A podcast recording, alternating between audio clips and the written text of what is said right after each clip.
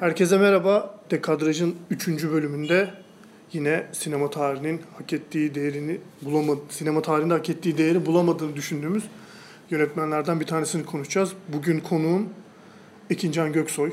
Hoş geldin diyorum öncelikle. Bir radyo programı gibi açtım böyle hoş Evet. geldin falan. Merhaba. Ee, kendisinin de isteğiyle aslında ki ben de bu seçtiğimiz yönetmeni çok severim ama o söylediğinde evet bunu yapalım diye böyle bir heyecanlanmıştım ben de. Bugünkü konumuz Nicholas Ray Evet. veya belki Nick Ray de olarak da bilinir. Evet. Konuşmanın ileri saatlerinde Nick'e dönelim. Ni- Nick'e samimiyet kendisiyle samimiyet artırınca Nick'e döneriz. Ee, ya aslında çok enteresan bir yönetmen Nicholas Ray. Çünkü Hollywood'un altın döneminde Hollywood'da çalışmış bir yönetmen ama hani o dönem belki hani işte ustalaşan, işte o dönemin ustası olarak anılan yönetmenlerden farklı bir üslup geliştirdiği için yani daha Evet. tavizsiz bir duruşu olduğu için bir şekilde sistemin dışına itiliyor kariyerinin devamında ki aslında bu şeyi, bu tutumu e, ilk filminden beri aslında gösteriyor diyebiliriz. Evet yani bu hani bu programa konuk olacak yönetmenleri değerlendirdiğimizle beraber yani Hollywood yönetmeni olan ve tamamen stüdyo sisteminde çalışmış biri olan birisini seçmek hani başta ilginç gözükebilir ama hani konuşacağımız üzere aslında tam çok da ilginç değil. Gerçekten öyle. Ee, aslında hani nasıl diyeyim biraz konforlu bir hayat yaşıyor gibi. Gençliğinde özellikle ama e, şey var. Belki de sinemasına en etki etmiş özelliklerden bir tanesi gençliğinde e, mimarlık alanında çalışmalar yapması ki evet. E, kariyerin ilerisinde de özellikle alt- e, 50'lerle itibaren sinemaskop çalıştığında hani çok böyle geniş ölçekli Hı hı. çalıştığında hani görsel dilinde e, o mimarlıktan gelen şeyin etkileri görebiliyoruz sanki.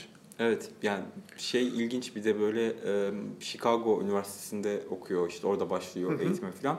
Sonra e, işte yani o zamanın hatta yani 20. yüzyılın en önemli mimarlarından biri olan Frank Lo- Lloyd Wright bunu hani Nicholas Ray'i biraz keşfediyor ve bak hani sen gel mimar ol. Sen de bu yetenek var falan diyor. Yani aslında büyük bir onur ve öyle başlıyor ama hani bir noktada e, herhalde işte çoğu insanın da kendisinden bir parça bulabileceği gibi hani o iş değil sinemaya gönül verdiğini fark edip oraya kayıyor ve dediğin gibi e, bu mimari aslında bazen çok konuşulan bir şey bazen de hep böyle görmezden gelinen bir şey gibi geliyor bana böyle sinema mimarlık ilişkisi ya da sinemada mimarinin kullanımı. Hı hı. Ya şeyde e, stüdyo filmlerinden bahsettiğimiz için hani Nicholas Ray söz konusu olduğunda sinemada mimarlığın kullanımı gibi bir şeyi o kadar da göremiyoruz. Ama o mimari tasarımı bilen birisinin yönetmenlik yapmasının etkisi Nicholas Ray'de bence de var dediğin gibi. Ya şey gibi değil tabii ki hani böyle anlatısını doğrudan hani mimari öğeler üzerinden kurmuyor ama dediğim Evet. gibi görsel dilin gelişiminde hani başka bir sanat dalından da hani bir başka bir disiplinden de beslendiği çok bariz aslında. Evet. Ya e, bu en başta dediğimiz gibi Hollywood içinden çıkan bir yönetmen olmasına rağmen belki de şu anki itibarını yani yani biz hak ettiğinden daha az olduğunu düşündüğümüz itibarını aslında Avrupalı o zaman sinema yazarı olan Evet. insanların e, nasıl övgüleriyle kazanıyor. Bunlar da kim diyecek olursak aslında çok uzak isimler değil bize. İşte Truffaut ve Godard, Godard gibi, gibi. yeni dalgayı yaratan isimler. O zaman işte kariyerlerinin başında henüz sinema yazarlığı yaparken Nicholas Ray'den devasa övgülerle bahsediyorlar. Böyle bir e, Fransa üzerinden Amerikalı ya da bazen İngiliz ve Amerikalı yönetmenlerin yeniden keşfedilmesi gibi bir durum zaten söz konusu ya. Aynı şey aslında belki yani Nicholas Ray kadar böyle görmezden gelmiş bir isim değil ama yine de mesela Hitchcock'ta da böyle bir şey Evet. olabilir. Hitchcock'un da tekrar keşfedilmesi ya da Hitchcock'un düşüşe geçti yani daha az gişe yaptığı filmlerinin Vertigo, Psycho gibi işte Fransızlar tarafından böyle aşırı övgülerle bahsedilmesi filan hep böyle gördüğümüz şeyler. Yani bunun gibi Nicholas Ray gibi yine bu programın konusu olabilecek işte Samuel Fuller gibi Aynen. Amerikan yönetmenler filan da var. Hani o hep bu Fransızların bir onayıyla ya onların böyle tekrar keşfetmesiyle şu anki dünya sinemasındaki yerini korumuş yönetmenler oluyor yani herhalde. Aynen öyle şey çünkü hani mesela bir yazısında Truffaut onunla ilgili Poet of Nightfall diyor. Belki hani nasıl Hmm. çevirebiliriz? İşte gece şairi. Evet. Yani, en kabaca. Türkçe karşılığını bulamadım Evet. Nightfall'un. Belki öyle denebilir ama asıl en büyük övgü e, senden öğrendiğim kadarıyla Hı hı. Bitter Victory eleştirisi Victory, ve evet. Godard kendisiyle ilgili şöyle bir şey söylüyor. E, diyor ki daha önce tiyatro vardı bunu da Griffith'e atfediyor. E, şiir vardı bunu Murnau'ya atfediyor. Resim vardı bunu Rossellini'ye atfediyor. Dans vardı bunu Eisenstein'a atfediyor. Müzik vardı bunu Renoir'a atfediyor ve sonuçta da diyor ki artık bundan sonra sinema var ve sinemada Nicholas Ray'dir diyor. Evet. Yani sanırım bir yönetmenin başka bir yönetmenle ilgili kurduğu en şey Ben- görkemli cümle falan Tam olabilir bu. onu söyleyecektim ben de yani bir yönetmenin bir yönetmene söylediğim böyle hani övgü dolu. Bir de aklıma benim Bergman'ın Tarkovski'ye dizdiği övgüler geliyor. Onunla Evet. bu, bu ve o herhalde böyle zirve noktasını oluşturur gibi. Yani evet bir de şey hani e, artık Bitter Victory 57 yapımı mıydı Evet, yanlış 57. hatırlamıyorsam. Yani Godard'ın da 60'ta Serseri Aşıkları çektiğini Hı. düşünürsek hani şey de yok böyle genç bir sinema sevdalısının övgü dolu sözleri gibi de değil Tabii, yani. tabii. Bayağı böyle Evet. artık sinemaya kafa yormuş sinemanın ne olması gerektiğine dair veya yeniden nasıl yaratılabileceğine dair böyle ciddi fikirler ortaya atılırken Kariyer du Sinema dergisindeki Evet. yazılarda bu kadar görkemli bir şey e, ifade kullanılması aslında Nicholas Ray'in ne kadar da kıymetli bir yönetmen olduğunu bizim değil Godard'ın söylediğini gösteriyor aslında. Evet biraz böyle Hollywood'un yani şimdi bildiğimiz gibi başından beri Hollywood işte şimdi bildiğimiz gibi ya bir Hollywood sineması işte çok ticari bir şey filan algısı aslında o kadar yok. Çünkü zaten Evet. sanat yeni bir sanat ve o artık yeni yeni 50'lerde ortaya çıkmaya başlayıp da hani özellikle Fransızlar işte böyle kültürü çok sahiplendikleri için ya işte hani Amerikan sineması da sinema mı filan dedikleri noktada tam o noktada yine o Fransa'nın içinden bu işte K7 sinema ekibi özellikle bu Amerikan sinemasının yeniden keşfedilmesi gerektiğini e, söylüyorlar. İşte ne bileyim John Ford'u da hani Western'i de bilmem neydi filan yeniden Yani Howard Hawks'u da işte Howard senin Hawks'u da. dediğin Samuel Fuller falan ki Aynen. Samuel Fuller şeyde böyle çok küçük bir cameo'su vardır ya Pierre Le Fou'da. Ha, aynen. şey, evet, Godard'ın evet. Pierre Le Fou'sunda. Ee, yavaş yavaş belki bu kadar övgü dolu hem bizim hem Godard'ın hem Truffaut'un övgü dolu sözlerinden sonra kendisi filmlerine geçebiliriz yavaş yavaş. Evet. Ya ki aslında baktığımız zaman da Hollywood'un özellikle o döneminin e, en böyle etkileyici ilk filmlerinden bir tanesini yapıyor Nicholas Ray. Öyle gerçekten de yani böyle ilginç bir e, genelde hani ilk bu Hollywood döneminde bir acemilik şeyi yardımcı yönetmenlikten yönetmenliğe geçiş vardır ama bu film bayağı böyle bir e, gelecek yönetmenlere de Amerika'da yani Coen kardeşlere kadar bayağı bir etkisi Evet, evet. olmuş bir film aslında. Ee, 1948 yapımı They Live By Night'tan bahsediyoruz. Evet.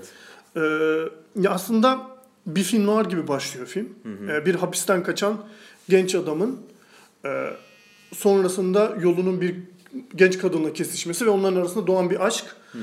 ve onların aslında e, önceki hayatlarından kaçarak kendilerine yeni bir hayat kurma mücadelesi gibi bir yere evriliyor hikaye.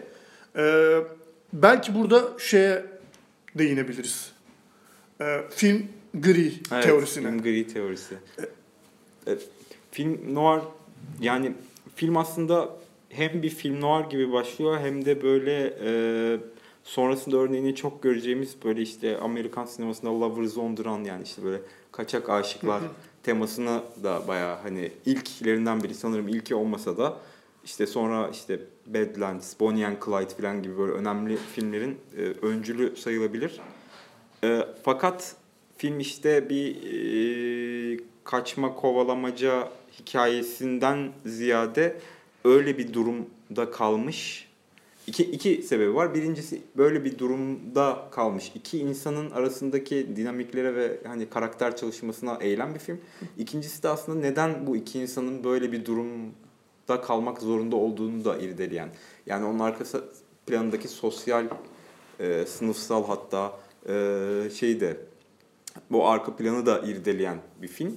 Bu yüzden de aslında bu film film gri denilen yani o kadar çok aşırı da kabul görmüş bir, bir teori olmasa da Evet. e, film gri denilen yani ne siyah ne beyaz arada Hı hı. yani aslında şöyle şey bir kelime oyunu gibi de hani siyah ve beyaz Evet. o kadar net değil hiçbir Hı hı. şey. Hollywood sinemasında çok net olan bir şeyin net olmadığı. Yani suçlunun suçlu olduğunu gerçekten tartışmamız gerektiğini savunan bir film olduğu üzerinden yani bu film üzerinden bir Thomas Anders mi? Tom Anders. Tom Andersen. Tom Andersen isimli bir e, eleştirmenin film gri teorisi ortaya çıkıyor. İşte böyle bir e, film noir'ın sosyal dramayla kesiştiği Hı hı. nokta diyebiliriz belki Yani çok kabaca. Tam olarak evet yani en basit böyle tanımlanabilir sanırım. Ki aslında yine böyle bir şey Nicholas Ray'in filmografisinde küçük bir atlama yaparak yine benzer sularda olan On Dangerous Ground'un da adını almak isterim ben. O da yine çok şey gibi hani çok tipik bir film noir gibi başlayıp e, yine böyle hani karakterlerin birbirleriyle ilişkisine evrilip hani onu o film noir'ın keskin kalıplarından kurtaran bir film. Ama aslında şurada yani bu bence çok önemli çünkü e, Hollywood'da o kadar e, tam aslında o dönem şey dönemi de aynı zamanda bu e, antikomünist soruşturmaları falan da Evet. döndüğü dönem. E, tam da o dönemde bu kadar hani sosyal meseleleri kendine dert edinmiş bir film yapmış olmak aslında Nicholas Ray'in daha sonra da başına geleceği daha ilk filminde Evet, ilk şey yani müjdeliyor. aynen gerçekten müjdeliyor. Ama Ee, böyle bu film gri teorisi aslında şeyle düşündüğümüzde e, Nicholas Ray sinemasını düşündüğümüzde sanki hani onun içinde biraz e, oluşturulmuş bir konsept gibi de geliyor yani. Çoğu filmini buna dahil edebiliyoruz aslında. Evet, evet. Böyle. Öyle hani belki a Lonely Place'i falan da İnan- ben bir de noktasından o bağlayabiliriz.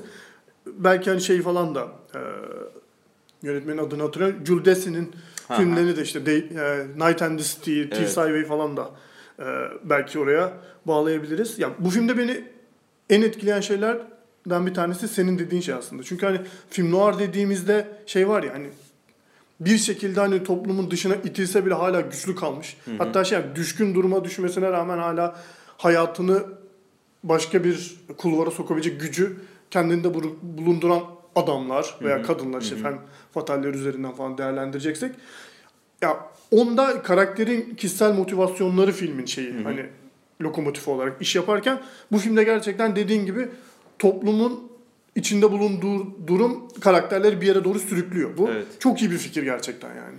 Ya mesela Bonnie and Clyde'da da aslında aynı şey var. Hı hı. Ve hatta yani çok ciddi bir önemi olan bir filmden işte bu yeni Hollywood'un ilk filmi denilen tam 68 kuşağı öncesinde hani o tartışmalar bağlamında çıkan bir film. Ama işte hani o yüzden o çok hani tarihsel olarak normal bir film gibi. Çünkü tam böyle hani kaynayan bir noktadayız. İşte Soğuk Savaş iyice böyle e, almış gitmiş işte hippie kültürü vesaire bilmem ne var.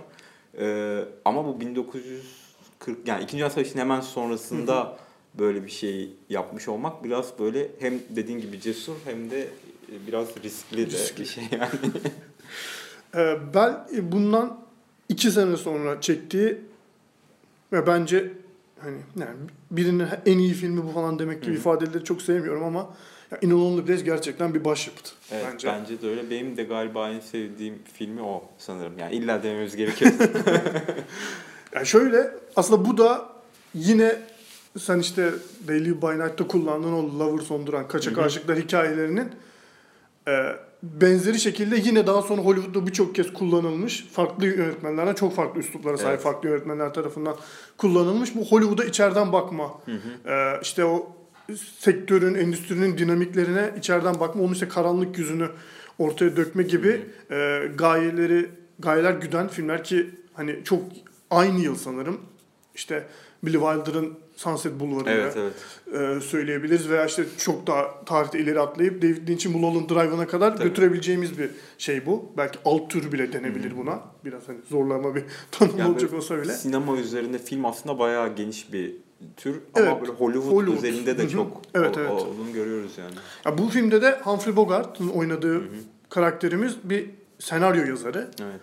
Ee, ama onun da endüstriyle ilgili bir dertleri var. Çünkü çok başına buyruk. Dediğim dedik. Ve hani e, bu kalıplara uymayı doğrudan reddeden bir karakter. Ee, ama işte ondan sonra yine Nicholas Ray aslında Daily by Night'ta gibi, yaptığı gibi çok iyi bir çatı kurup ondan sonra hikayesini çok e, yani hikayenin perspektifini çok genişletiyor. Evet. Bunda da müthiş bir karakter dramasına döndürüyor filmi bir Evet. noktadan sonra. Ya bence bu senaryo böyle hani özellikle senaryo yazmak düşünenler için baya hani irdelenebilecek bir senaryo. Ben çok baya güçlü bir senaryosu olduğunu düşünüyorum. Ama e, aslında şöyle bir senaristin hikayesini anlatıyor. Hani sinemaya bakış bilmem ne. Ama o sin- senaristin olmanın gerektirdiği bazı bilgileri film için araçsallaştırıp e, gerilim unsurlarına dönüştürebiliyor. Ya mesela e, bu bir spoiler olmayacağını düşündüğüm için söylemek istiyorum. Bir noktada e, senarist hani böyle gerilim filmleri, film noirlar falan da yazan biri olduğu için bir şeyden bahsediyor. Benim hiç unutmadığım sahnelerden biridir. Birisi sizi boğarsa, boğazınıza yapışırsa ilk insanların refleksi e, o ellere tutunmak olur. Ama o elleri çekemez ve gittikçe nefessiz kaldığınız için güçsüzleşirsiniz ve ölürsünüz diyor. bir kadın anlatıyor bunu. Evet. Onun yerine ilk birisinin boğazınıza yapıştığında o insanın gözlerine parmaklarını sokmanız lazım falan diyor ve hani bu normalde adam bunun üzerine çok düşünen bir adam olduğu için filmlerde hep bu klişeleri gördüğü için bunu böyle hani kendi kendine eleştiriyor. Evet, evet. Ama e, e, senaryoda e, bizim karak Humphrey Bogart oynadığı bu karakter giderek böyle insanların gözünde korkunç bir hale evrildiği için bu onun bu anlattığı basit hikaye bile bir korku, gerilim unsuruna dönüşüyor. Gerçekten öyle şey, ya filmin ya bir karakter draması olarak tanımladım ama müthiş çalışan bir gerilimi var. Evet. Çünkü hani filmin henüz başında işlenen bir cinayet var ve cinayeti işte bu Humphrey Bogart'ın oynadığı senarist mi işledi yoksa başka biri mi işledi?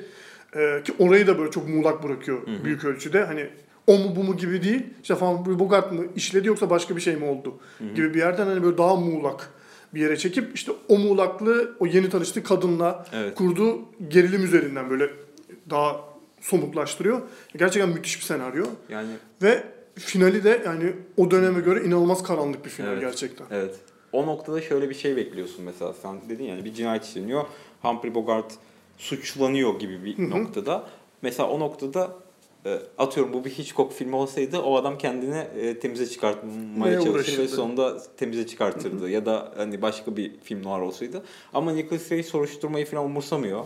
Yani o bizi ilgilendirmez deyip bu adama odaklanıyor ve bu adama o cinayetin adamın üzerinde adamın yeni başladığı ilişkisi üzerindeki etkisini anlatmaya başlıyor ve bir noktada yine e, aslında şu anda mesela yani 21. yüzyıl şartlarında düşündüğümüz zaman çok net bir toksik erkek ilişkisi Evet. anlatıyor Evet, aslında evet, film. Evet, öyle. Ama hiç öyle gibi göstermiyor kendini. Yani başarılarından biri de o yani. Aslında böyle bir gerilim filmi e, gibi yapıp aslında e, zaten öyle olan bir erkeğin o ilişkide nasıl başarısız olduğunu da anlatıyor. Ya şey de yapmıyor. Ee, işte bir şekilde cinayet işlemekle itham edildiği hani birinci şüphelisi konumuna yerleştirilmesine rağmen seni hiçbir zaman onun yanında konumlandırmıyor. Onu hani sürekli böyle e, olumsuz yönlerini göstermekten imtina etmediği için ya film gerçekten filmin neresinden izleyeceğini, kimle Evet. özdeşleşim kuracağını bilemediğim bir noktaya çekiyor. Çünkü mesela şey de değil. Karşısındaki kadın da öyle püripak şey hani E, tabii, böyle tabii. nasıl diyeyim böyle mağdur edilen bir kadın değil. O da çok Aha. güçlü bir figür ama onun da hani böyle şey gri yerler, gri alanlara girmekten hiç imtina Evet. etmiyor. Dolayısıyla böyle gri bir film gerçekten yani. Valla bence aslında hani bunun üzerine bu kadar konuştuğumuz için şeyi biraz hafif bahsedebiliriz gibi bence bütün şu ana kadar konuştuğumuz 3 filmde 4 filmde de Ee, yani Nicholas Ray filmleri standart Hollywood filmi işte bu yüzden değil gibi. Bir film noir gibi başlıyor ama ondan sonra onu bırakıyor. Ya böyle biraz şey numarasını hatırlatıyor. O kadar radikal değil belki ama Antonioni'nin La Ventura'da Evet. yaptığı başında biri kaybolur ama ondan sonra ne olduğu bizi Evet. ilgilendirmez gibi bir şey var ya. Hani burada da o beklenti seyircide yarattığı beklentiyi devam ettirmiyor. Yani Hollywood klasik bir Hollywood seyircisinin izlediği de ha tamam bu film şimdi buradan akacak beklentisini asla tatmin etmiyor ve bambaşka bir yere evriliyor. Bu sebeple de biraz hani ya savaş filmi de olsa, isyan filmi de olsa, e, korku filmi, gerilim filmi de olsa her zaman bu kalıpların dışında böyle daha insani ve daha dramatik bir yanı bulmaya çalışıyor Nicholas Ray. O yüzden de biraz daha standart izleyicinin e, o kadar da hoşnut olmayacağı bir sinema yapıyor diyebiliriz aslında. Yani- Stüdyo sistemi içinde bile olsa. Yani o stüdyonun böyle en güçlü olduğu zamanlar belki de bu zamanlar ve Humphrey Bogart da onun böyle en böyle figürist, ikonik isimlerinden bir tanesi. İlk belki Casablanca'daki o yükselişte itibaren falan düşünebiliriz. Yani çok büyük bir jön. Ee, o jönü böyle bir kar- karanlık karakter olarak e, ve aslında sinema sektörünün içinden bir karanlık karakter olarak konumlandırması da zaten hani sektöre de aslında nasıl baktığına dair çok şeyler veriyor. Çok doneler veriyor Evet, gerçekten. Evet. Ama bu bir biraz şey gibi. Sen şimdi deyince benim aklıma bir de All About Eve de geldi. Evet. Böyle Yine o da aynı yıl. O da 1950 Evet. yapımı. o dönem bir böyle belki bir Hollywood'da ya biz ne yapıyoruz acaba bir içe dönelim Evet şey evet. olmuş yani şeyler ama. hani biraz daha dışarıda duran, biraz daha muhalif işte Billy Wilder'ı Evet. söyledik Sunset Bulvarı'ndan. işte All About TV'nin yönetmeni Mankiewicz'ti değil mi? Mankiewicz, evet. Yani o da aslında hani şey gibi e, sistemin çok önemli şeylerinden biri ama bir yandan da çok büyük bir zanaatkar. Evet. Mankiewicz de. Dolayısıyla evet hani ne oluyor burada diye kafayı yormaya başlanmış 50'lerde Evet. gerçekten. Bir de şeyin etkisi de var. Tam 2. Dünya Savaşı sonrası çok fazla aslında yani Hollywood'un klasik yönetmenleri dediğimiz insanların büyük bir kısmının da hani Avrupa göçmeni olması Evet, gibi evet. bir şey de var yani. Gerçekten öyle. Ki e, çok alakasız. Nicholas Ray'in de sanırım babası Alman kökenli Evet. ve annesi de Norveçli gibi bir şey Evet, sanırım. yani o da hani Nicholas Ray safkan bir Amerikalı değil. Amerika doğumlu ama hani evet sonuçta yani ikinci kuşak hemen. Evet, ikinci kuşak Amerikalı. E, bu hep biraz film noir üzerinden türleri eğip bükmesi üzerinden konuşmuşken yine Hollywood'un e, lokomotif janrlarından bir tanesi Western'e yaptıklarını Evet. geçebiliriz. Johnny Guitar ki Türkçe'ye de çok enteresan bir şekilde dişi kartal olarak çevrilmiş film. Yani onu anlayabiliyorum. Evet ama o filmin anda- içeriğine evet. bakınca ismi, yani orijinal ismiyle çok alakası olsa bile e, yani Orada film- şöyle ilginç bir şey de var. Mesela Dişi Kartal böyle çok hani yani 60'larda falan o film vizyona girdiğinde bir isim koyalım buna diye koymuşlar. evet. Ve film gerçekten aslında bir kadınla ilgili Evet. ama filmin Amerika'daki adı bir adamın adı. o da ilginç bir şey. Çok. Türkiye istemeden yenilikçilik yapmış falan Evet, ilerici bir duruş sergilemiş. Ee, Johnny Guitar benim yani e, şeyin en büyük rakibi In a Lo- Lonely Place'in en büyük rakibi benim için Johnny Guitar hani filmografisinde. Ee, ve ben böyle biraz da western benim için Biliyorum. ayrıca önemli bir tür olduğu için Johnny Guitar orada böyle parlayan nadide bir e, elmas gibi duruyor klasik Hollywood westerninde. Şöyle yani hani tabii ki de çok iyi filmler var ama ya bir bayağı böyle baş karakteri kadın olan bir western yapmak zaten tek başına aslında radikal bir karar. Ve işin öteki tarafında baş karakteri kadın olmanız yanı sıra şeyi de kadın. Yani baş kötü karakteri de kadın. Böyle bir durum da var. Ve e, şey çok ilginç yani bütün bir tek western bazında düşünmeyelim. 1954 olması lazım. O dönemde e, güçlü e, yani şu anki güçlü kadın ve o an zamanki güçlü kadın tanımları zaten başka. Onu anlayabiliyorum. Burada güçlü kadın demek biraz daha böyle erkekleştirilmiş bir kadın. Ama yine de bu şekilde böyle baş karakteri ve güçlü bir kadın olan film sayısı Hollywood'da gerçekten çok az. Hele o dönem yani o dönem. çok az, çok az yani. Evet. Hele Bir yani western janrı falan zaten evet yok. yok. gibi bir şey. Ee, genelde böyle homemaker dedikleri işte hani aile reisi gibi davranan kadın olabiliyor maksimum Evet işte filan. şey dişi yani ne o yuvayı yapan dişi kuş Evet, evet. gibiler Ama yani. işte güçlü yani erkeğin arkasını toparlayan filan. Hani en güçlü kadın şeyi o. Ama burada bayağı başlı başına e, sıfırdan ticaret yapan, işte silah kullanan, işte mekan işleten, hiçbir erkeğe eyvallah olmayan falan bir kadını izliyoruz. Ve e, bir aslında iki kadının arasındaki hem böyle kişisel bir husumet şeye dönüşüyor. Ba- başka iktisadi bir bir çatışmaya dönüşüyor ve bu ikisi birbirini besliyor ve böyle sonuna doğru yükselen bir gerilim izliyoruz. Ama filmin tabii bu yanı çok önemli ama hani filmin iyi bir western olmasını sağlayan sebeplerden biri de böyle biraz klasik olan şey teması. Ee, silahşör Türk filmlerinde de çok olur yani silahşör olarak değil de şimdi anlatınca anlaşılır. Ee, işte hani bu ellerle mi yapacağım diyen bir silahşör var ve böyle yavaş yavaş gizlediğimiz bir kahramanımız var ve sonra ortaya çıkıyor filan gibi. Ee, ve o Johnny Gitar zaten filmin Evet. adında hani anlaşıldığı gibi. Ama e, ve bir yandan da mesela bu silahşörün silahşör olduğunu da bilmiyoruz ve işte müzisyen de bir yandan Evet. filan. Hani aslında Çok zengin bir film ya gerçekten. Evet, filmde çok böyle e, western temaları var. Tabii ki çoğu western teması var. Ama film yine hani sanki şey anlatmak için e, bir hikaye istiyor, bir hikaye anlatmak istiyor. Nicholas Ray ve diyor ki ya ben bunu aslında western yapsam daha iyi olur mu? Ya biraz böyle işlevselleştiriyor gibi hani Evet. arka planını kullanıyor gibi bir e, yanı da var. O yüzden böyle çok fazla tür arasında Evet. geçişte yapabiliyor. Yani filmden bahsetmişken Hı hı. filmdeki John Crawford'ı da Ha evet. ben özel özellikle almadan Evet, geçmek istemedim. Yani harika yani zaten müthiş bir figür.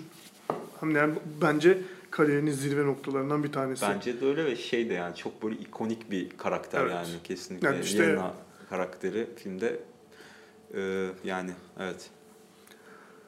Ee, Johnny Gitar aslında yanlış bilmiyorsam renkli çektiği ilk filmde. Sanırım öyle olmuştu. İşte 50'lerin ortasıyla birlikte işte renkli filmler çekmeye başlıyor. Ee, ve belki de bunun en belirgini kırmızı montuyla James Dean'i gördüğümüz asi gençlik Rebel Without a Cause. Bu da ya işte hep böyle aynı yere bağlıyoruz biraz zorlama mı gibi mi oluyor diye düşünüyorum ama olmuyor. Bu sefer de gençlik filmin normlarını bambaşka bir şeye çeviriyor Evet. Nicholas Ray. Aynen. Film yani şimdi Asi Gençlik işte Rebel Without a Cause bir kere e, aşırı ikonik bir film ama bunun sebebi çok büyük ihtimalle Nicholas Ray değil aslında. Evet. Nicholas Ray bu filmle tanınıyor dünyada. Evet. Ama bu, bunun sebebi yani James hepimizin tahmin edeceği gibi James Dean. Ama bu film hem böyle herkes, her nesil, her kuşak tarafından illa bir şekilde izlenen bir film. Ama bir yandan da böyle lanetli bir film gibi de bir Evet. şey. Yani James Dean zaten, Nicholas Ray de zaten işte konuşuyoruz. O da çok bir faydasını görememiş ama filmin içindeki Natalie Wood ve Salmineo e, hı.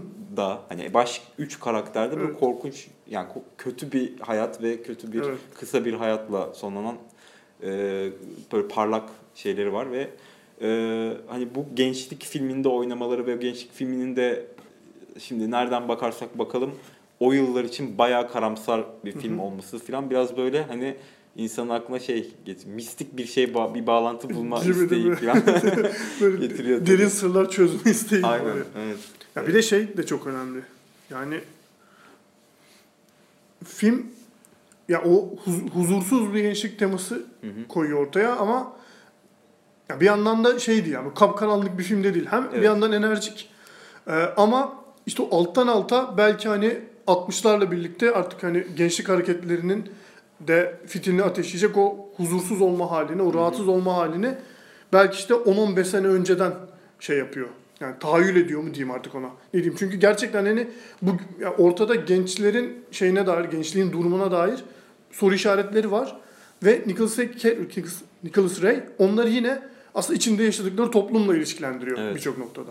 Ya böyle e, ileri görüşlü bir vizyoner bir Gerçekten. resmini çizmek tabii çok istemiyorum ama hani Gerçekten o şeyi ama öyle gibi ya. Konuştukça öyle açılıyor yani. Yani Live By Night'taki mevzu Evet. böyle bir 20 yıl önceden, bu böyle bir 15 yıl Evet. önceden filan. Ee, ama bu bir de ben şey düşünüyorum mesela şöyle de bir film. Şimdi biz şunu biliyoruz. Bir ergenlik denilen bir dönem var. Hı hı. Ve bu ergenlik döneminde bütün insanlar bir asi, bir, Hı bir hı. şey, bir, bir şey atarlıdır, bir sinirlidir, parlar filan. Ve mesela Hollywood'da böyle gençliği anlatan bir film de yok. Evet. Yani e, hadi bir gençlik filmi yapalım ya da hadi gençliğe bir, bir hayatın bir dönemi mesela yaşlılık filmi hani öyle bir şey de yok Evet. yenilerde. Evet, Yani evet. hep böyle işte 25-35 yaş arası insanların filmlerini anlatıyor. Ya mümkünse hikayelerini güzel anlatıyorlar. görünen Güzel insanlar. evet. Ya burada gerçekten bir gençlik filmi var ve o gençliğin yani işte aslında birebir Türkçe çevirmeye çalışırsak hani sebepsiz yere asi Evet. gibi Hı bir şey ya Türkçesi. Bir yandan da öyle. Hani Öyle, aslında öyle. ergenlik filmi ve orada insanlar hata yapmaya daha teşne, işte ne bileyim daha saçma şeyler yapabiliyor filan. Burada biraz daha radikal belki olaylar oluyor. Ama şunu da bilmediğimi de itiraf edeyim. Yani 1955 Los Angeles'ında böyle şeyler belki de oluyordu. Evet. Bilmiyorum yani. Tabii ki evet. Hani o biraz film üzerinden yaptığımız çıkarım ama yani gerçekten hani nasıl diyeyim o gençliğin içindeki o böyle huzursuzluğu falan yani bir şekilde hissediyorsun. Yani onun sonra işte şeyde ya Godard'ların falan bu Nicholas Ray'den bu kadar etkilenmesinin de hani boşuna olmadığını düşünüyorum. Hani işte Maskülen Femininde, işte Bande Aha. Apart'ta falan hani benzer huzursuzluklar var. Mesela o filmler de şey değil böyle aşırı karamsar, karanlık filmler değil ama mevcut duruma yani mevcut duruma adapte olmakla ilgili sıkıntıları olan Evet. yani hem gündelik sıkıntılar hem de daha büyük sorunlar olan gençler var. Dolayısıyla hani bu filmler arasında şey e, böyle bir paralellik kurmakta çok da zorlama gelmiyor bakıldığı Bence zaman. de ne bileyim yani işte 400 darbeyi düşün yani sonra evet. Jules ve Jim falan. Onların hepsi böyle bir değişen toplum, dönüşen toplum ve o artık ölmekte olan eski toplumda yaşamayı e, yaşamayı yaşayamayacağını fark eden bir yeni bir gençliğin filmleri olduğu için yani bence bu filmde onların biraz öncüsü olduğunu söylemek hiç hani mübalağa olmaz. Evet, evet. Ve e, gerçekten bu arada hani renkten de bahsettik ya bir görüntü yönetimi Evet. şeyiyle hani ilginç bir parlak. Ya bu arada çok da canlı bir film dedin ya renkler de çok Evet, canlı evet. yani o kırmızı mont falan bile Çok e, ikonik bir şey bayağı, yani, evet, evet. ikonik saçlar falan hani bilmem ne. Hep cebinden çıkardığı tarha filan. Evet aynen. Yani çok böyle bir sürü şey var gerçekten. Popüler kültürü de çok etkilemiş bir film. Ama işte mesela Nicholas Ray filmi gibi bilinmiyor. O önemli. James Dean'in filmi. Yani James Dean'in James Dean olduğu film Evet gibi hatta yani. yani. James Dean'in işte 3 tane filmi var değil mi? Yani en yanlış bilmiyorsam öyle. bu. İşte e, diğer ya diğer filmleri de meşhur gerçi ama hani bu film böyle onun direkt başrol oynadığı bir de Elia Kazan'ın e, Cennetin Doğusu'nda da aslında başrol sayılır ama Giant'ta işte Devlerin Aşkı'nda aslında tam başrol evet. değil. Yani Ama- yan karakter. Evet. Ama yani bu film hani James Dean'i yaratan film Hı hı. herhalde net James- James'in yani. kültünü yaratan Kültünü film, yaratan evet. film bu evet.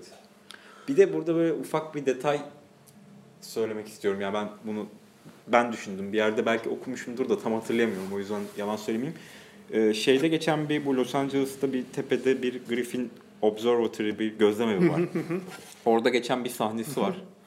Ve orası böyle e, o filmde bayağı ikonikleşmiş bir yer.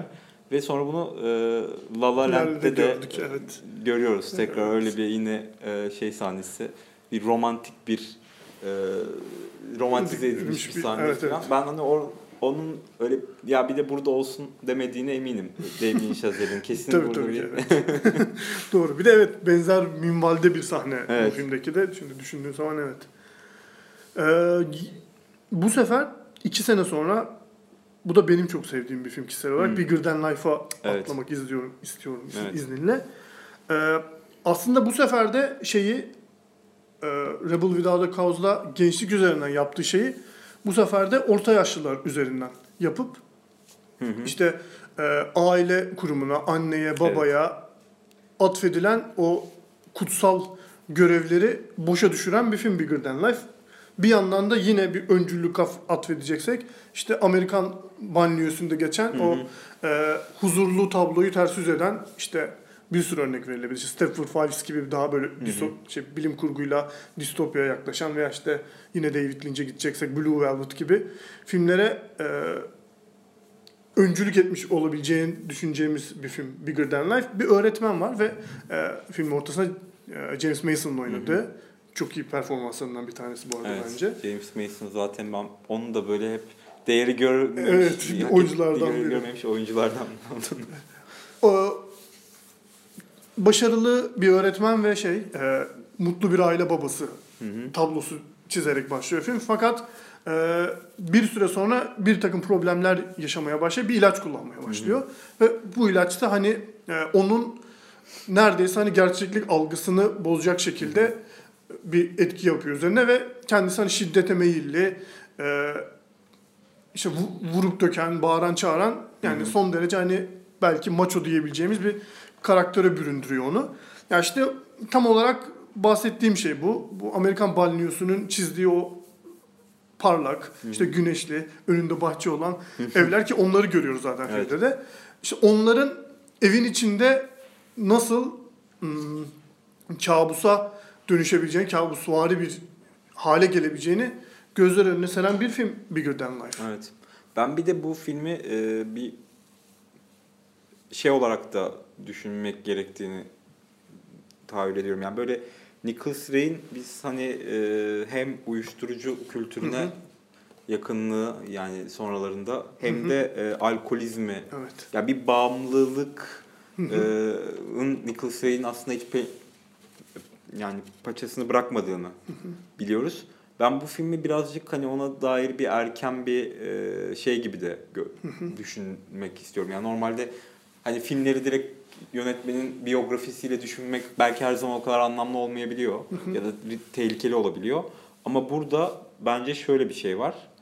Ee, James Mason'ın karakterinin işte o bir ilaç kullanmaya başlaması ve o medikal e, koşulunun durumunun ortadan kalkması yani hayat tehlikesini kaybetmesi ama o ilaca bağımlı ama yani mecburiyetten de bağımlı olması ve onun Evet. onu değiştirmesi tamamen başkası haline sokmasının böyle bir bağımlılık üzerine Evet. bir açıklama şey de olarak da böyle görmeye meyilliyim ve bir yandan da ben bu filmin ve hikayenin böyle yani belki e, yüzde yüz değil ama şeyi etkilediğini hep düşünmüştüm. Edward Albee'nin e, Kim Korkar Virginia ay ah, Virginia kafam karıştı. Kim Korkar de Hain Kurt'tan. Virginia Woolf Kim Korkar Hain Ko- Kurt'tan şeyine e, etkilediğini düşünüyorum ama şöyle mesela senin dediğin bu e, banliyö süper Amerikan hayatı dışarıdan çok güzel gözüküyor ama içeride bambaşka bir şeye sahip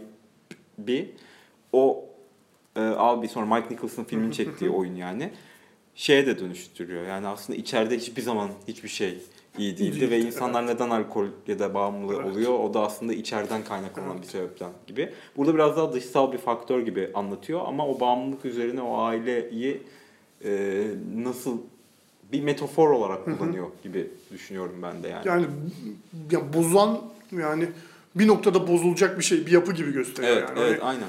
Yani şey yani bu böyle devam edemez gibi bir şey. Zaten hani filmin başladığı nokta ve vardığı noktayı birlikte düşündüğün zaman zaten hiç o haliyle devam edemezmiş gibi bir yapı kuruyor gerçekten. Evet. Yani. Bir de yani bu film de şey gibi başlıyor. Yani bir aile dayanışması işte bir baba çok iyi bir baba var ve işte hasta oluyor, işte ölecek zannediyoruz. Mücadele edecek aile bilmem ne. Ama yine film Evet. çat diye başka bir şey dönüşüyor. dönüşüyor gerçekten. Ee, sıradaki yine hani böyle satır başı olarak vermemiz gerektiğini düşündüğüm filmlerden bir tanesi. Bunu ben izlemedim. Ama senin başlamadan konuştuğun itibariyle Ha. Bitter Victory Evet. bu sefer de bir savaş filmi gibi başlayıp Evet. yine başka bir şeye dönüşen bir film. Yani bu işte aslında biraz böyle şey formunda sayılır. Ee, Johnny gitar formunda bir film sayılır. Yani iki İngiliz subayının böyle bir e, ölüm görevi işte Kuzey Afrika'da 2. Dünya Savaşı sırasında bir ölüm görevine atılması ve hani onu anlatan bir film aslında. O yüzden o zamanlarda çekilmiş 2. Dünya Savaşı filmlerinden biri. Ve hani bir- birçoğunu benzerini izlediğimiz bir hani e, aksiyon, macera, savaş hikayesi gibi böyle işte hani düşman sınırlarının arkasına sızma işte bilmem ne. Hani böyle bir sürü farklı örneğini işte ne bileyim Kıvay Köprüsü bilmem ne falan bir sürü örneğini sayabileceğimiz bir film gibi başlıyor. Fakat filmdeki hikayelerden biri e, ya filmdeki ana e, çatışma bir aşk üçgeni. Ama o aşk üçgeninde bu iki e, subayın arasındaki bir kadınla ilgili ama bu böyle hani başından beri belli olan değil gittikçe yavaş yavaş ortaya çıkan açılan ve o iki karakterin o savaş altında düşman sınırların arkasındaki çatışmasına yol açacak ve hani bizi de artık o savaş atmosferinin yoğunluğundan çıkartıp oradaki başka bir şeyin yoğunluğuna, e, başka bir insani durumun yoğunluğuna evriltecek, dö- döndürecek ve merak ettirecek bir film haline geliyor. Ve bu iki insanın arasındaki bu basit yani hani o savaş koşulları altında aslında o an çözülmesi o kadar da elzem olmayan problem onların karar verme mekanizmasını etkiliyor elbette. Ve bu iki adamın aslında e, aynı kadını seven ya da bir dönem sevmiş falan bu iki adamın birbirine e, birbiriyle olan iç hesaplaşmasına dönüyor. Yani aslında ben yine Nicholas Ray'in artık hani emin olduğum üzere sevdiği o e, metaforik şeyi ya bu iki adamın hesaplaşmasının bir savaş olduğunu ve o savaşta gerçekten bir savaş içerisinde anlatmayı tercih ettiğini anlıyorum ve burada bunu çok bariz bir şey ya bariz dedim yani çok güzel bir şekilde çok böyle birbiriyle konuşan bir şekilde yapıyor yani üst hikayeyle alt hikayeyi ve o yüzden de hani bu filmi izlediğinde Amer- Amerikan sinemasını izlemeye e, yani uzun süredir Amerikan sinemasını izleyen bir Godard'ın bu filmi izlediğinde Hollywood'dan çıkan böyle bir filme gerçekten şaşırmasını ya da hani buna böyle belki biraz mübalağalı sözlerle hani Nicholas Ray'i övmesini anlamak da mümkün. Çünkü işte dediğim gibi yani hiç beklemediğin bir e, filmle karşılaşıyorsun. Zaten filmin adı da işte e, Bitter Victory. Acı zafer. Ve böyle hani e, yani şey gibi hani bir zafer en nihayetinde şey için bir zafer var hani e, müttefikler için bir ikinci Dünya Savaşı çok büyük bir şey ama müjdelemiyor gibi gerçekten Evet. filmin da. Ee, bundan sonra 60'lara vardırıyoruz aslında kariyerini ama 60'larda birazcık Nicholas Ray'in artık bu sistemle, bu endüstriyle yavaş yavaş ciddi çatışmalara girdiği bir döneme tekabül ediyor. Burada alt- 1960'ta çektiği benim çok ilginç bulduğum hani e, ya sinematik olarak çok iyi mi kötü mü tartışılabilecek bir film ama Savage Innocence filmi yani bu hep bahsettiğimiz çatışmayı bambaşka bir yerden kuran. bayağı Yani evet modern ve hani işte tırnak içerisinde savage'a şey yaparak at, atfederek yabani hani biraz vahşi gibi yani modern ve vahşinin şeyini e, çatışmasını bir Eskimo ve onun yanlışlıkla öldürdüğü bir işte güvenlik görevlisi gibi e, bir görevlinin sonrasında bir kaçma kovalama hikayesine Evet. döndürüyor. E, bu da aynı şey aslında. Bir yandan çok böyle tetikte izlettiren bir film. E, mesela Anthony Quinn'in performansını burada çok ilginç buluyorum ben. Bir Eskimo'yu oynuyor. Evet. Bir de Peter O'Toole'un Peter ilk O'Toole. oyunu ilk filmi galiba bu. Yanlış İlk- hatırlamıyorsam. Olabilir. Yani çok erken dönem filmlerinden bir tanesi bu. 1960 diye düşünürsek Evet. evet, olabilir. Anthony Quinn gerçekten bayağı ilginç. Ee, yani. Tuhaf bir performans Ya. Anthony yani. Quinn de gerçekten oynamadı işte Meksikalı devrimciden Zeus'a kadar her karakteri adam olduğu için Ya evet. hani bir Inuit'i oynaması da. ya bu filmde bence yine Nicholas Ray için Nicholas Ray sineması için önemli olan yine bizim şu anda kadar çizdiğimiz o vizyoner ileri görüşlü otör e, yönetmen portresine uyacak. E, aslında böyle 68'den bile sonra 70'lerde falan ortaya çıkan bu işte post kolonyal çalışmalarla vesaire ortaya çıkan işte o hani eee, işte vahşi, modern, işte sivilize ayrımını irdeliyor olması. Evet. Yani bir tarafta bize tamamen yabancı olan ve abi böyle saçma şey mi olur diyebileceğimiz bir geleneğe sahip bir insan var. Bir Inuit ve bir kültür var.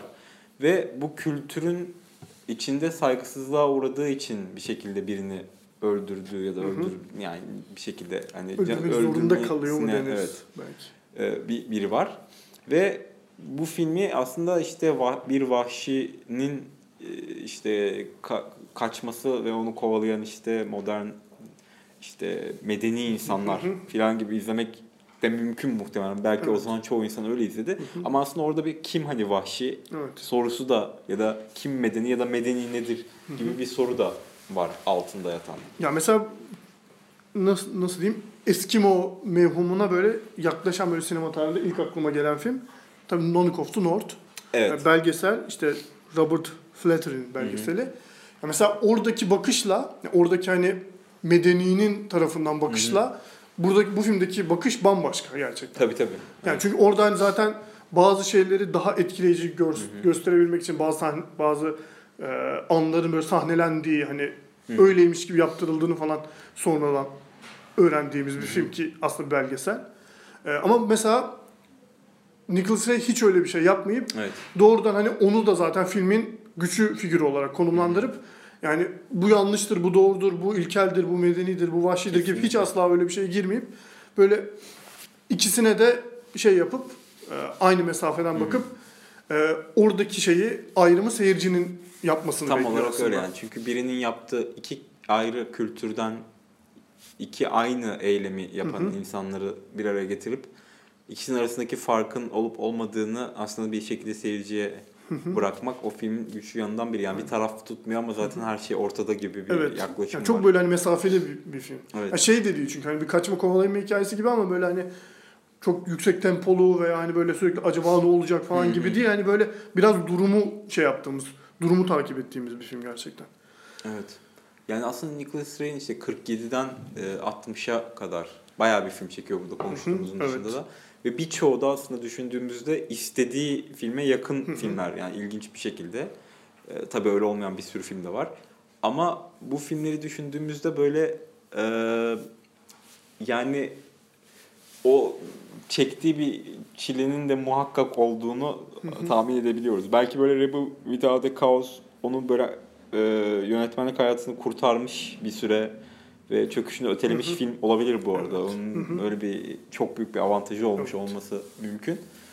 E, ama hani bu hem stüdyo sistemi içerisinde ayakta kalmaya çalışıp kendi istediği filmleri yapmaya çalışan hem de bundan dolayı e, alkol ve işte bazı bağımlılıklarının daha da güçlendiğini gördüğümüz ve bu yüzden de böyle hani sürdürmeyi artık hani bu hayatı sürdürmeyi o kadar da e, başaramayan bir yönetmen görüyoruz 60'ların sonuna doğru zaten. Evet, za- 60'ların başında yani 60'larda. ki zaten Seven, Seven Innocens'tan sonra şey oluyor hani çektiği filmlere baktığımız zaman da aslında onun kalemi filmler olmadığını evet. görmeye başlıyoruz. Hani bu bahsettiğin hem alkol hem kumar bağımlısı sanırım. Yani çok kumar oynayan birisiymiş. Birkaç yerde gördüm onu. Yani tamamen hani bir stüdyo yönetmeni gibi artık hani ona verilen görevi yaptığı iki tane film var ki aslında bir tanesi de e, artık neredeyse kariyerinin bitişini Hı hı. işaret eden film. Bunlardan bir tanesi King of Kings. Yani işte e, Hazreti İsa'nın hayatı. Evet. Ve hani sessiz dönemden beri birçok kez anlatılmış bir hikayeyi işte 60'larda hani yeniden bir güncelleme işi bir amacı güdülerek çekil, çektiriliyor sanırım bu film ama yani bunun hani şu tüm konuştuklarımızla birlikte düşündüğümüz zaman işte onun Nicholas Ray olmadığı çok bariz Evet. o Çok, yönetmeni yani. çok belli.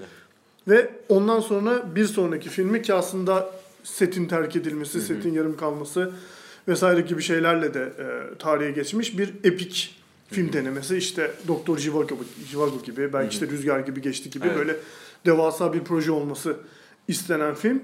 E, Pekin'de 55 gün, Hı hı. 55 Days at Pekin. Yani Evet. artık neredeyse Nicholas Ray'in bu e, nasıl diyelim şeyden sonra bu bir şekilde kendini kendinden bir şeyler katabildi. Hı hı. Otel imzasını atabildiği filmlerden sonra e, işte bir aksiyon, macera, büyük Büyük yapım. büyük bir Evet, film. İşte yani oyuncu kadrosuna bile baktığımız zaman işte Charlton Heston, Ava Gardner falan gibi Hı. hani böyle zaten çok büyük o döneminde büyük isimleri var. Ya bir Oscar'a oynama filmi gibi işte. Evet, işte Lawrence o- of Arabia falan Evet, sonrası.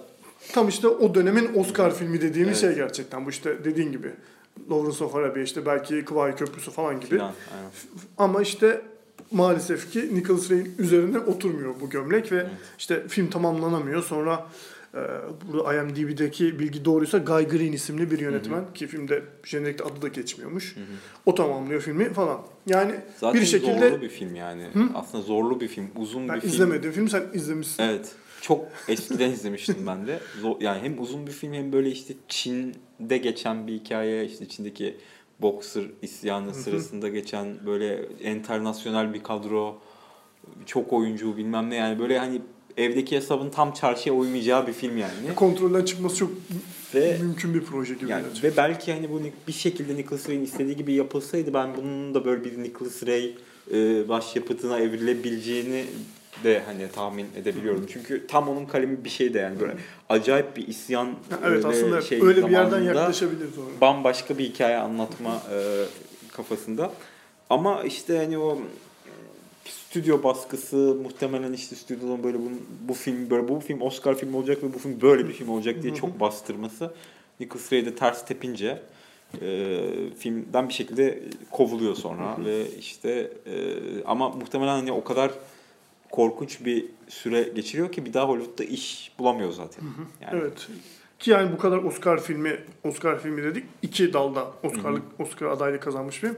Onlardan bir tanesi orijinal şarkı, bir tanesi de orijinal müzik. yani aslında nasıl olmadığını Sette da gösteriyor yani. Gerçekten. sette yapılmayan Evet. şeylerden sadece. Gerçekten öyle. Ve bu filmden itibaren artık dediğimiz gibi Hollywood'dan yavaş yavaş el çektiriliyor kendisine. Ya belki kendisi de bunu tercih ediyor. Onu Muhtemelen bilemeyiz. yani iki taraflı bir Evet yani iki taraflı bir anlaşamama durumu. Çünkü hani çok sık film çekiyor gerçekten öncesinde. İşte her sene başında iki film, üç film falan olduğu yıllar varken ondan sonra hani çok tek tük birkaç tane çektiği film var. Ee, belki burada da kariyerinin sonuna işaret eden Lightning Over Water'a bağlayarak Evet. yavaştan bitirebiliriz. Ee, şöyle bir şey okumuştum. Şimdi e, Lightning Over Water'ı e, Lightning Over Water'dan önce şeyden aslında bahsedeyim. Ha sen Weekend- evet, öğrencilik Aynen. yaptığı filmden. Evet. Ee, filmin adını şimdi tam We Can't Go içinde mi? Home Again. Ha, We Can't Go Home Again. Şimdi bu Nicholas Ray gerçekten biraz böyle hani genç kalmayı da başaran bir yönetmen aslında ve 1970 yılında bir e, New York'ta galiba bir Grateful Dead konserine gidiyor. Orada Dennis Hopper'la karşılaşıyor. Dennis Hopper'la konuşurlarken Dennis Hopper diyor ki işte Dennis Hopper zaten Rebel Without a Cause'da falan da böyle kı- kısa bir rolde oynayan bir oyuncu yönetmen. Ee, şey diyor işte hani böyle böyle sen hani abi film çekmiyorsun. Bari hani bir faydan olsun. Ders ver falan diyor. Ve Binghamton'da New York'ta ona şey ayarlıyor. ee, bir pozisyon ayarlıyor. Ve Binghamton'da şey yapıyorlar. ee, ders vermeye başlıyor ve bir grup öğrenciyle beraber bu ders verdiği süre boyunca yani böyle 70 derdin bir be- belki hayatın sonuna yani o şeyin sonuna kadar öğrencinin son e, öğretmenliğin sonuna kadar öğrencileriyle de, devamlı çekip kur, devamlı kurguladığı bir deneysel film bu ve bunun bir, bir kopyası var hani böyle bir hani bitmiş bir film de değil. Evet ama bir, Ee, bir bir şekilde paketlenmiş hali var. paketlenmiş bir hali var ve bayağı e, böyle tam gerçekten 68 post 68 kuşağı gençleri de sinema yaptığı bir film. Yani ilginç bir deneyim. Hani tam olarak ne söyleyebileceğimi bilmiyorum ama hani böyle bir enteresan bir yanı var bu filmin. Ve Lightning Over Water e, aslında Wim Wenders ki kendisi de e, Nicholas Ray'in büyük bir hayranı olan yönetmen ve American Friend'de küçük de bir rolü var Nicholas Ray'in. Evet. Onda bir de Nicholas Ray'in Hair dedi bir Hayır dedi bir rolü var çok evet. Çok alakasız Evet, bir şey gerçekten. Ee, aslında Nicholas Ray'in işte pardon Wim Wenders'ın Nicholas Ray'in son günlerine odaklandığı e, işte onu biraz iade itibar sergilediği belgesel Lightning Over Water'a belki de yapılabilecek en şık hareketlerden bir tanesini yapıp yönetmen olarak kendinin yanına adını da Nicholas Ray'in de adını yazıyor. Aynen öyle. Ve bu belgesel aslında şey olarak da güzel. Kendisinin hocası bir şekilde akıl hocası ama uzaktan filmini izleyerek akıl hocası olduğunu düşündüğü bir yönetmene yaptığı bayağı şık bir hareket ve e, hani yaşam, ölüm, sinema yapmak, bir şey üretmek üzerine epey bir tartışıyorlar filmde de.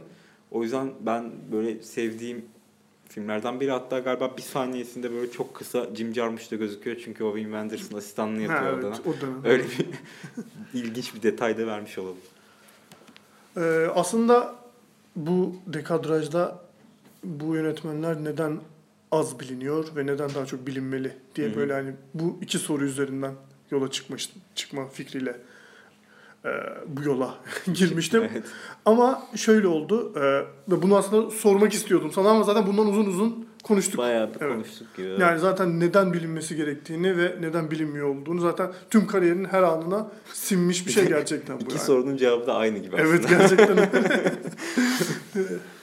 o zaman var mı eklemek istediğimiz, atladığımız bir şey diye Ee, kapatmadan önce sormak yani isterim. ben Nicholas Ray'in daha çok izlenmesini ve yeniden Ben de. bir şekilde e, sinema tarihindeki yerini kazanmasını çok isterim. Ya bir de genel olarak bu dönemin Hollywood yönetmenlerinin özellikle Türkiye'de böyle bir hiç yüzüne bakılmama gibi bir durum var gerçekten. Evet yani. biraz eski görülüyor ki doğru da bir yandan çoğu yönetmen için ama mesela Nicholas Ray için o, o kadar da geç. Yani Nicholas Ray için geçerli değil, Samuel Fuller için Fuller değil. için Abi değil yani şey çünkü. e, yani şu an usta sıfatını atfettiğimiz işte en başından beri adını andığımız işte Godard'lara, Truffaut'lara ilham vermiş. İşte yani Godard'ın sinema Nicholas Ray'dir dediği Yani kişiden bahsediyoruz. Evet. Dolayısıyla dediğin gibi en azından Nicholas Ray daha çok izlensin bu ülkede diyerek çok teşekkür ediyorum geldiğin için. Ben teşekkür ederim Nicholas Ray hakkında konuşmama fırsat tanıdığınız için. ne zaman istersen, kimle ilgili konuşmak istersen Her zaman. O zaman dinlediğiniz için sizlere de çok teşekkür ediyorum. Dekadraj'ın bir sonraki bölümünde bakalım hangi konukla hangi yönetmenin sinemasını uzun uzadıya tartışacağız. Görüşmek üzere. Güle güle.